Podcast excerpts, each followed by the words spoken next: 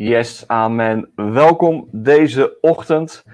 Leuk dat je weer kijkt. De live in de ochtend, elke werkdag om 9 uur in de ochtend. Ehm, en ja, zoals altijd, je kunt het liken, delen. En eh, we doen het, de uitzendingen via Facebook en via YouTube. En later op de dag ook wordt het gedaan via de podcast. Mooi dat je er weer bent. Leuk dat je weer meekijkt. En uh, vandaag wil ik gaan kijken naar een tekst die we hebben in Matthäus hoofdstuk 22. En dan gaan we straks lezen vanaf vers 34 tot en met vers 40. Een klein kort stukje tekst. En uh, um, ja, ik moest daarover nadenken, uh, omdat ik, ik hoorde een keer een, een, een um, iets, zeg maar, wat te maken heeft met, uh, ja, met autorijden, met motorrijden en een aantal wetsartikelen die daar zijn. En um, ze hebben natuurlijk overal hebben ze wetsartikelen voor, hè, wat je wel en wat je niet mag doen. En uh, ze hebben daar één, één apart artikel, wat, uh, wat ze noemen het kapstokartikel, artikel 5 is dat. En dat is eigenlijk een artikel wat in het leven geroepen is uh, voor als alle andere artikelen niet, hè, alle andere wetten niet uh, toereikend genoeg zijn, dan hebben ze nog altijd dat ene artikel, dat artikel 5, kapstokartikel noemen ze dat. Dat is een, artikel, een kapstokartikel, dus waar alle andere artikelen aan hangen als het ware, om dan nog steeds iets uh, te kunnen uitvoeren, zeg maar. En dat heeft dan voornamelijk te maken met wanneer uh, er onveilig rijgedrag is. Bijvoorbeeld als iemand wheelies gaat lopen maken op de motor of ze gaan uh, lopen slippen op een parkeerterrein. Nou, daar hebben ze niet een, een aparte wet van je mag niet slippen op een parkeerterrein of je mag geen wheelies doen. Nee, dan zeggen ze, daar hebben we het kapstokartikel of artikel 5. En dat is een veiligheidsartikel. Dat is een artikel of een wet wat zegt van oké, als je op enige manier de veiligheid in gedrang brengt, dan kunnen wij nog steeds actie ondernemen. En dat noemen ze een kapstokartikel, want zeggen ze, aan dat artikel, dat is zo belangrijk, hè, de veiligheid, daar hangen eigenlijk alle andere artikelen of wetten onder. Nou, ik wil even de tekst erbij pakken. En dan pak ik hem ook voor mezelf weer er even bij. En dat is dan Matthäus hoofdstuk 22. En uh, dan vanaf vers 34. En dat is dan een, een tekst waar we het verhaal zien dat de fariseeën uh, proberen Jezus op de proef te stellen. Je weet allemaal dat wanneer we denken aan het woord fariseer, dan denken we aan iemand die weticistisch is, dan denken we aan iemand die uh, enorm gebrand is op het houden van wetjes en regeltjes. Jezus had enorm veel uh, moeite met, uh, met die lui. Er waren heel veel wetten, veel regeltjes waar mensen aan moesten voldoen. En zelf konden, zichzelf, konden ze zichzelf ook niet houden aan al die wetjes en regeltjes. En dan zien we hier dus het gesprek wat daar komt. He, het op de proef stellen van de fariseërs van Jezus. Nou, laten we dit even gaan lezen. Vers 34. Nadat de fariseeën hadden vernomen dat hij de Sadduceeën tot zwijgen had gebracht, kwamen ze bij elkaar om hem op de proef te stellen. Vroeg een van hen, een wetgeleerde, meester, wat is het grootste gebod in de wet? Hij antwoordde, heb de Heer uw God lief met geheel uw hart en met heel uw ziel en met heel uw verstand. Dat is het grootste en het eerste gebod. En het tweede daaraan gelijk, heb uw naaste lief als uzelf. Deze twee geboden zijn de grondslag van alles wat er in de wet en de profeten staat. Nou, deze tekst, als we daar naar kijken, hier zien we eigenlijk een kapstokartikel. Dus een artikel eigenlijk, of een wet, een gebod waaraan alle andere wetten of geboden hangen. Uh, theologen noemen dit ook wel een dubbel artikel. Hè, het, is, het, is, het zijn eigenlijk twee artikelen in één. Het eerste artikel is: Heb de Heer uw God lief met heel uw hart, met heel uw ziel, met heel uw verstand. En dan wordt er gezegd dat is het grootste en het eerste gebod. En het tweede daaraan gelijk, oftewel het dubbelartikel. Heb uw naaste lief als uzelf. Met andere woorden, we hebben hier twee artikelen, twee wetten, twee geboden, die eigenlijk één en hetzelfde gebod zijn. Nou, laten we eerst even kijken naar het eerste gedeelte. Heb de Heer uw God lief met geheel uw hart, uw ziel en met heel uw verstand. Nou, ons hart, onze ziel, onze verstand, dit is eigenlijk het compleet mens zijn, zou je kunnen zeggen. Dus als Jezus hier zegt tegen deze fariseërs dat wij hem lief moeten hebben, dat wij God lief moeten hebben met, onze, met ons hart, met onze ziel en met ons verstand, betekent het in de meest complete zin van wie wij zijn. Met heel ons mens zijn. Eigenlijk zegt Jezus hier: je moet God lief hebben, niet een klein gedeelte van wie je bent. Hè? Dus niet, niet alleen met je verstand, of niet alleen met jouw hart, of niet alleen met jouw ziel. Nee, maar met jouw complete mens zijn. Dus met alles wat jij bent, met alles wat jij bent als mens, is het gebod om Jezus lief te hebben. Nou, wat is dan Jezus lief hebben met jouw hart? jouw hart, wij zeggen vaak, jouw hart is dat wat jij werkelijk bent, waar jouw gedachten tronen. Iemand, ik las een, een, een, uh, ja, een illustratie van een, van een predikant die een toespraak hield in uh, een park. En hij sprak daar ook deze woorden. En hij zei: U moet de Heer lief hebben met heel uw hart. En er was een omstander die dan zei: van ja, wat een onzin. De wetenschap heeft al lang bewezen dat het hart van de mens is niets anders dan een pomp. En de predikant zei tegen de man van, nou, oké, bent u dan getrouwd?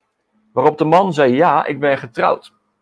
Hij zegt, nou, dan moet je maar eens naar huis gaan en tegen je vrouw zeggen dat je van je vrouw houdt met heel jouw pomp.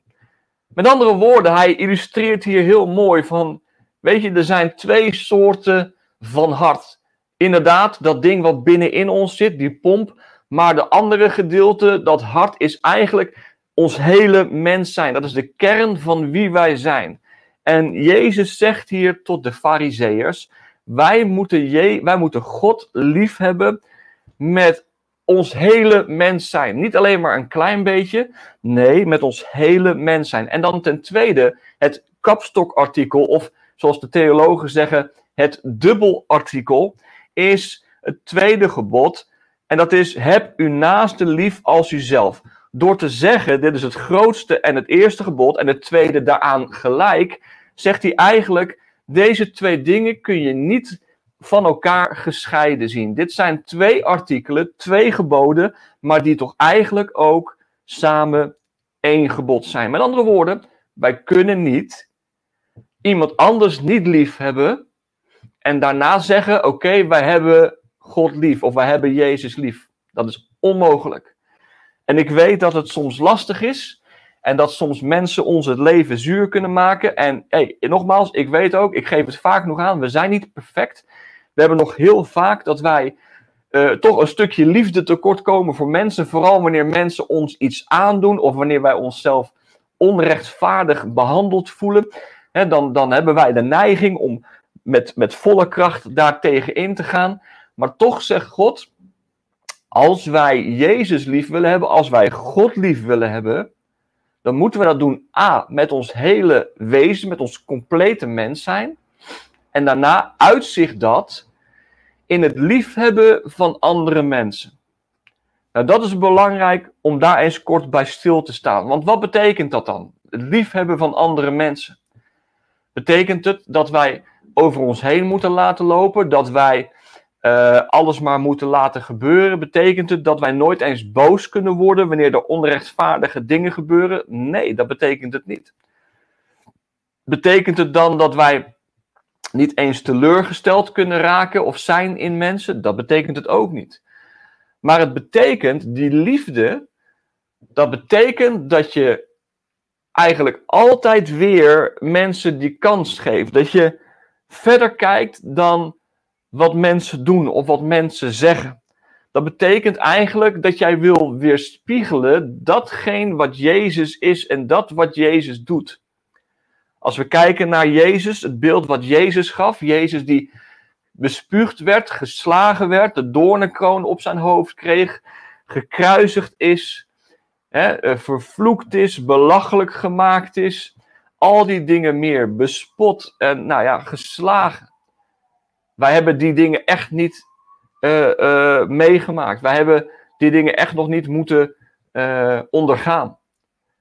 Maar als hij die dingen heeft ondergaan, dan wordt eigenlijk van ons gevraagd, weet je, als hij dat ondergaan heeft en hij kon nog steeds zeggen, Jezus vergeef hem, God vergeef hen, want ze weten niet wat ze doen, dan moeten wij als mens eenzelfde soort liefde betonen naar andere mensen. En ik weet dat dat soms lastig is en ik weet dat het ontzettend vervelend is om dat te moeten doen soms.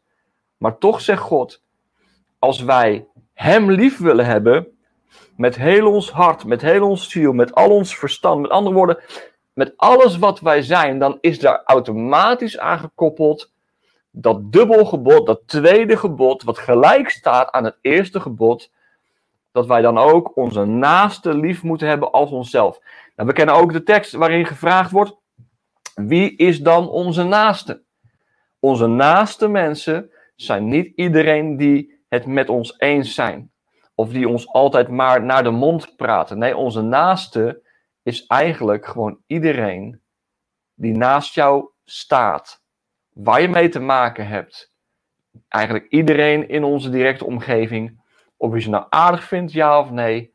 Of je ze nou mag, ja of nee of ze het leven zuur maken, ja of nee, dan nog steeds zegt God, wij moeten hen liefhebben. Nou, en dat kan soms inderdaad ontzettend lastig zijn, heel moeilijk zijn, dat weet ik, dat begrijp ik. Weet je wel, en uh, nogmaals, we zijn niet perfect, we falen heel vaak, denk ik persoonlijk, op dat gebied. Weet je, maar we moeten dat wel proberen in praktijk te gaan brengen. Een naaste liefhebben als onszelf. Nou, laten we daar eens even over nadenken terwijl we gaan luisteren naar een lied. En dan komen we er zo meteen weer even op terug.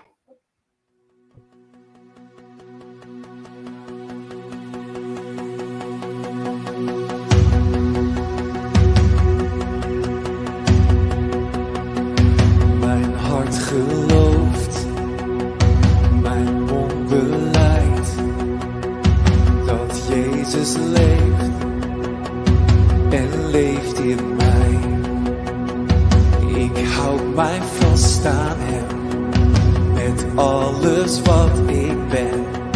Mijn hoop is in Zijn naam alleen. Mijn hart gelooft,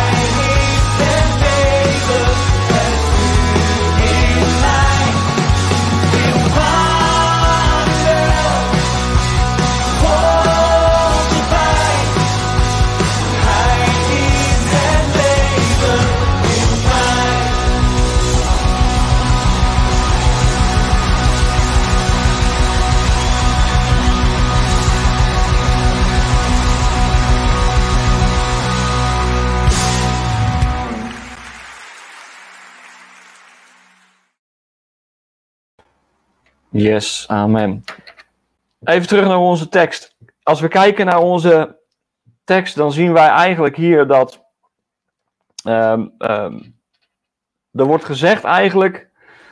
Liefde naar God uit zich in liefde tot de naaste.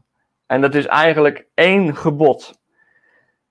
En er wordt eigenlijk gezegd dat als wij het ene niet hebben, als het ene ontbreekt, hè, dus als wij zeg maar de liefde naar de naaste niet hebben, als dat ontbreekt, dan kunnen wij eigenlijk dus ook niet zeggen dat die andere er ook is. Dat die andere er wel is, zeg maar. Als wij geen liefde hebben voor de naaste, kunnen wij eigenlijk niet zeggen, oké, we hebben wel een liefde voor God. Dat is wat er eigenlijk wordt gezegd. Waarom? Omdat, als we de tekst nog even erbij pakken, dan zien we dat in vers 40 deze twee geboden zijn de grondslag van alles wat er in de wet en de profeten staat. Nou, dat is eigenlijk, zou je kunnen zeggen, is dit het kapstokartikel. Het kapstokartikel net zoals het artikel 5 van verkeersovertredingen, is dit het kapstokartikel waaraan getoetst wordt of het andere allemaal akkoord is. Want wij weten dat als wij hier al de fout in gaan, dan gaan wij over het algemeen ook de fout in bij alle andere wetten. Als wij niet mensen lief hebben, dan kunnen wij niet zeggen dat wij God lief hebben. En andersom, net zo.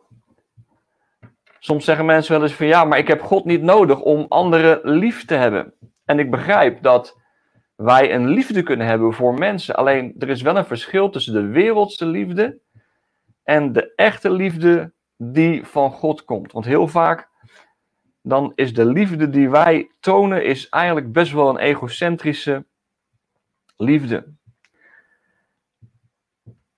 Even kijken. Ora, kun je uitleggen hoe je God lief hebt met je ziel en je verstand? Ja, dat is lastig, hè? Kijk, je ziel, ehm, dat is eigenlijk, ja, ik denk, ik denk, ik persoonlijk denk, maar daar moet je me even niet op vastpinnen. Ik persoonlijk denk dat eh, wanneer er wordt gesproken over de ziel, dat dat iets is wat God doet. Wat God doet vanuit ons. Onze ziel, ja, ons hart, hè, we hebben al gezegd, we hebben vaak, vaak is daar een beetje, ja, dat, dat uitleggen van, van ziel en hart, weet je wel, van wie ben je nou? Jouw ziel is dat wat God in jou gegeven hebt, dat is wat teruggaat op een gegeven moment naar God. Met andere woorden, dat zou je bijna kunnen zeggen, dat is iets wat God moet doen. Een, een werk vanuit God, wat, waardoor jij mensen lief kan hebben.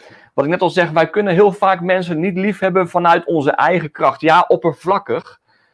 Maar toevallig, ehm, wanneer was het? Vorige week. eh, sprak ik op straat iemand aan. En dan zei ik van ja, wanneer wij goed proberen te doen voor mensen, is dat heel vaak vanuit een egocentrisch iets. Want je ziet wel eens op YouTube of uh, uh, op Facebook of waar dan ook, zie je wel eens van die filmpjes dat mensen dan uh, iemand anders helpen. Dan geven ze iemand die, die een zwerver is bijvoorbeeld, geven ze wat te eten, maar ze filmen zichzelf altijd wanneer ze dat doen. Alleen maar voor de likes en voor zoveel mogelijk views te krijgen. Eh, om, om wat eer te krijgen. Dus ja, ja ze doen goed. Ze, ze, hebben iemand lief, zou je kunnen zeggen. Maar het is heel vaak vanuit een hele verkeerde motivatie. Dus ik denk dat wanneer je spreekt over het liefhebben met jouw ziel. Dat, je, dat dat iets is wat een werk is, wat vanuit God komt. Als je wederom geboren wordt, dat dat iets is wat vanuit God komt. Uh, ja, waardoor je iemand echt oprecht lief kan hebben. En nou, wat je, je verstand betreft, betekent je maakt keuzes. Want jouw verstand zegt heel vaak: van ja, ik ga echt niet diegene lief hebben. Nee, nee, geef niet. Olga, leuk. Ik hou van moeilijke vragen. Dat zorgt ervoor dat ik moet nadenken. Dat is goed. Dat echt, ik hou van dit soort vragen. Ja, en, ja, weet je, en, en, jouw, en jouw, jouw hart, of uh, sorry, jouw verstand, is inderdaad die keus die je maakt, weet je wel. Dat is, dat is, ach man, weet je, eerlijk is eerlijk. Soms heb je mensen dat je, dat je zegt, hoe, hoe ga ik hem lief hebben? Of hoe ga ik iemand lief hebben? die zo stront vervelend kan zijn soms, weet je wel? Soms kunnen we onszelf niet eens lief hebben. Dat we denken van, oh man, ik heb zoveel dingen die ik dan verkeerd doe, weet je wel? Of soms kun je een hekel aan jezelf hebben. En dat je dan denkt van, ja, ja, hoe kan ik mezelf lief hebben? Dat is een wilskeuze, een verstandskeuze. Je verstand zegt, weet je wel, je hart zegt misschien soms van, ik wil iemand niet lief hebben. Maar je verstand zegt, de Bijbel zegt het. Het is een gebod, dus ik moet dat doen. Misschien kunnen we wel herinneren die, uh, die film van Nicky, Nicky Cruz, Kruisende Asphalt Jungle, waar op een gegeven moment die twee groepen, hè, de Bishops en de Mau Mau, zitten dan in dat grote theater. En dan uh, wordt er ook gezegd van, nee, je moet je broeder lief hebben. En dat dan één keer zegt, hoe kan ik nou die lief hebben? Ja, ik zal hem lief hebben, maar ik zal hem lief hebben met mijn mes of met mijn zwaard. Weet je wel? Dus dat is een verstandsbeslissing. Oké, ik ga iemand lief hebben liefhebben vanuit je ziel. Ik denk dat het iets is wat God doet vanuit je verstand, denk ik. Dat is een keuze die je moet maken. Je verstand, wat gewoon tot orde wordt geroepen en wordt, en wordt gezegd van nee, jij gaat iemand liefhebben. En vanuit jouw hart denk ik gewoon, weet je wel, vanuit het diepst van wie jij bent. Weet je, er moet een verlangen zijn om iemand lief te hebben. Weet je, dat, dat, ik denk dat dat heel belangrijk is. Dus nee, goede vraag. Ik, uh, ik hou van dit soort vragen. Echt waar. Ik, uh, ik ga nooit geen moeilijke vraag uit de weg. En als ik het niet weet, weet ik het niet. Zo simpel is het ook.